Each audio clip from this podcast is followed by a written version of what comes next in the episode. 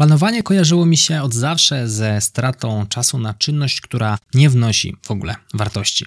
Nie mogłem się bardziej mylić. Odległy jestem od rozpisywania nawet najdrobniejszego kroku na poszczególne punkty, natomiast rys tego, co zadzieje się kolejnego dnia, pomaga mi popychać wszystkie moje projekty do przodu. To właśnie o planowaniu opowiem Ci w czasie dzisiejszego odcinka. Nazywam się Michał Kowalczyk i witam Cię w Excellent Work Podcast.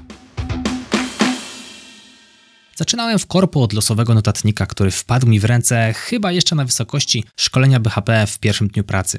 Leżał przede mną razem z długopisem, a jak tylko pojawiało się coś do zrobienia, lądowało to właśnie w nim. Ten sposób działania szybko wymknął mi się spod kontroli, bo zadania nie miały określonych dat i ciężko było przenosić je w prosty sposób na kolejne strony. Odległe też to było od pojęcia planowania, to było raczej notowanie.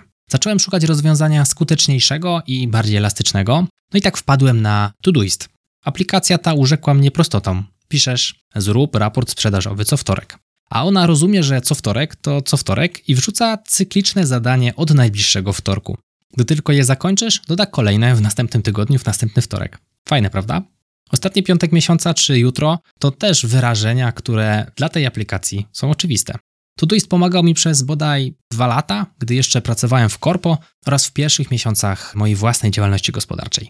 Jeśli szukasz czegoś poręcznego, działającego szybko na Windows, Mac, iOS i Androidzie, warto przyglądnąć się tej aplikacji. Zostawmy na chwilę wątek narzędzi i skupmy się na metodyce. W przypadku zadań cyklicznych warto zadbać, aby blokowały czas w kalendarzu albo pojawiały się w apce do zadań same. Przygotowanie się do spotkania, odświeżenie raportu, zamknięcie miesiąca, czy nawet coroczny zakup ubezpieczenia auta i przegląd to rodzaje właśnie zadań cyklicznych. Nie ma przestrzeni, aby tracić czas na ich ręczne dodawanie za każdym razem. Wrzucasz cykliczne, no i zapominasz.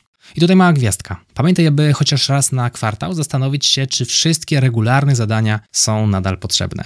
No i niestety niejednokrotnie spotykałem się z przygotowywaniem, odświeżaniem raportu, którego nikt nie czytał. No bo wystarczy zadać odbiorcom proste pytanie. Kto potrzebuje tego raportu? Jeżeli nie dostaniesz odpowiedzi, wiadomo co zrobić z tym zadaniem, nie?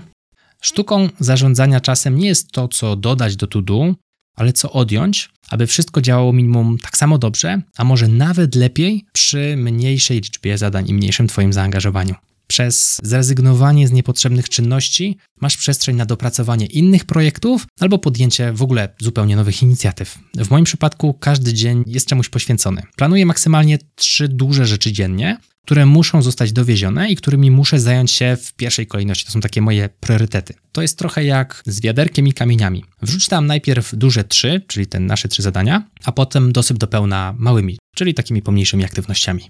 Gdy zrobisz odwrotnie, czyli najpierw wsypiesz dużo pomniejszych aktywności, czyli małych kamieni, a później włożysz trzy duże, może się okazać, że nie wszystko się zmieści. No a wtedy albo nadgodziny, albo tłumaczenie się komuś, dlaczego nie zdążyłeś. W poniedziałek tworzę plik do webinaru i nagrywam rolkę. We wtorek buduję mailing. Środa to dzień webinaru i tworzenie scenariuszy do podcastu. Czwartek nagrywam ten podcast. W piątki mam mastermind i sprawdzam wszystkie niedomknięte wątki na mailu. W sobotę rano czytam newslettery, a w niedzielę staram się raczej nie pracować. Wymieniłem Ci po jednym, dwóch takich dużych kamieniach w moim wiaderku, cyklicznych kamieniach. Cały czas oczywiście pozostaje miejsce na dodatkowe duże zadania, które wpadają tam już w trakcie tygodnia.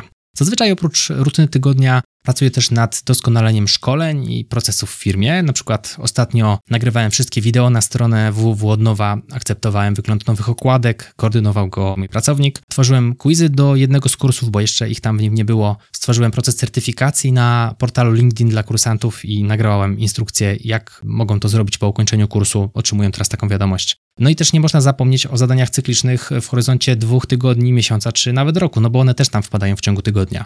Warto sobie zostawić po prostu na to czas. U mnie najpopularniejszymi zadaniami tego typu są na przykład usunięcie nieaktywnych kursantów z platformy, czy subskrybentów z list mailowych, zamknięcie miesiąca, czy jakieś comiesięczne na przykład podsumowanie dziennika, który codziennie prowadzę.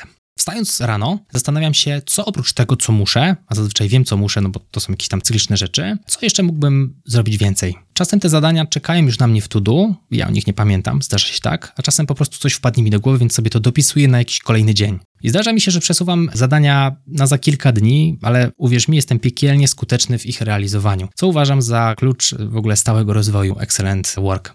Ważnym jest dla mnie możliwość szybkiego dorzucenia sobie pomysłu do to-do, czasami robię to nawet przed snem, no i potem oczywiście wykonaniu go. Rozwiązanie, które umożliwia takie szybkie dodawanie, musi być właśnie maksymalnie proste i nie może ci generować żadnych tarć, abyś po prostu miał ochotę go używać. Jeśli na samą myśl o włączeniu mapki do zadania masz ochotę zrobić krzywdę komputerowi, coś jest nie tak i jest spora szansa, że winą nie jest twoje zdrowie psychiczne. To dobry moment, aby opowiedzieć o mojej poprzedniej aplikacji do zadań, taki wstęp zrobiłem, a więc o ClickUpie, którego byłem fanem przez 3 lata. Chciałem być bardziej pro-planującym, więc zdecydowałem się na bardziej rozbudowane narzędzie. Padło na wchodzący wtedy na rynek ClickUp. Darmowa wersja naprawdę pozwala na dużo, nawet dzisiaj, dalej, ale w geście wsparcia stwierdziłem, że wykupię sobie opcję premium. Nie miałem potrzeby korzystania z tych funkcji premium, ale pomyślałem, że oni to robią, więc warto ich wesprzeć. Aplikacja świetnie sprawdzała się do zarządzania w gronie większej liczby osób. Nas było co prawda maksymalnie trójka, ale wymienianie się komentarzami, zadania piętrowe, checklisty i w ogóle przejrzystość samego jakże złożonego narzędzia świetnie się sprawdzała przez ten czas. Twórcy regularnie dodawali nowe opcje, a to niestety znacznie spowolniło tempo działania tej aplikacji. Pałka się w końcu przegła, gdy musiałem czekać minutę, aby się w ogóle włączyła na komputerze, a na telefonie przestało mi to działać, więc odpadało.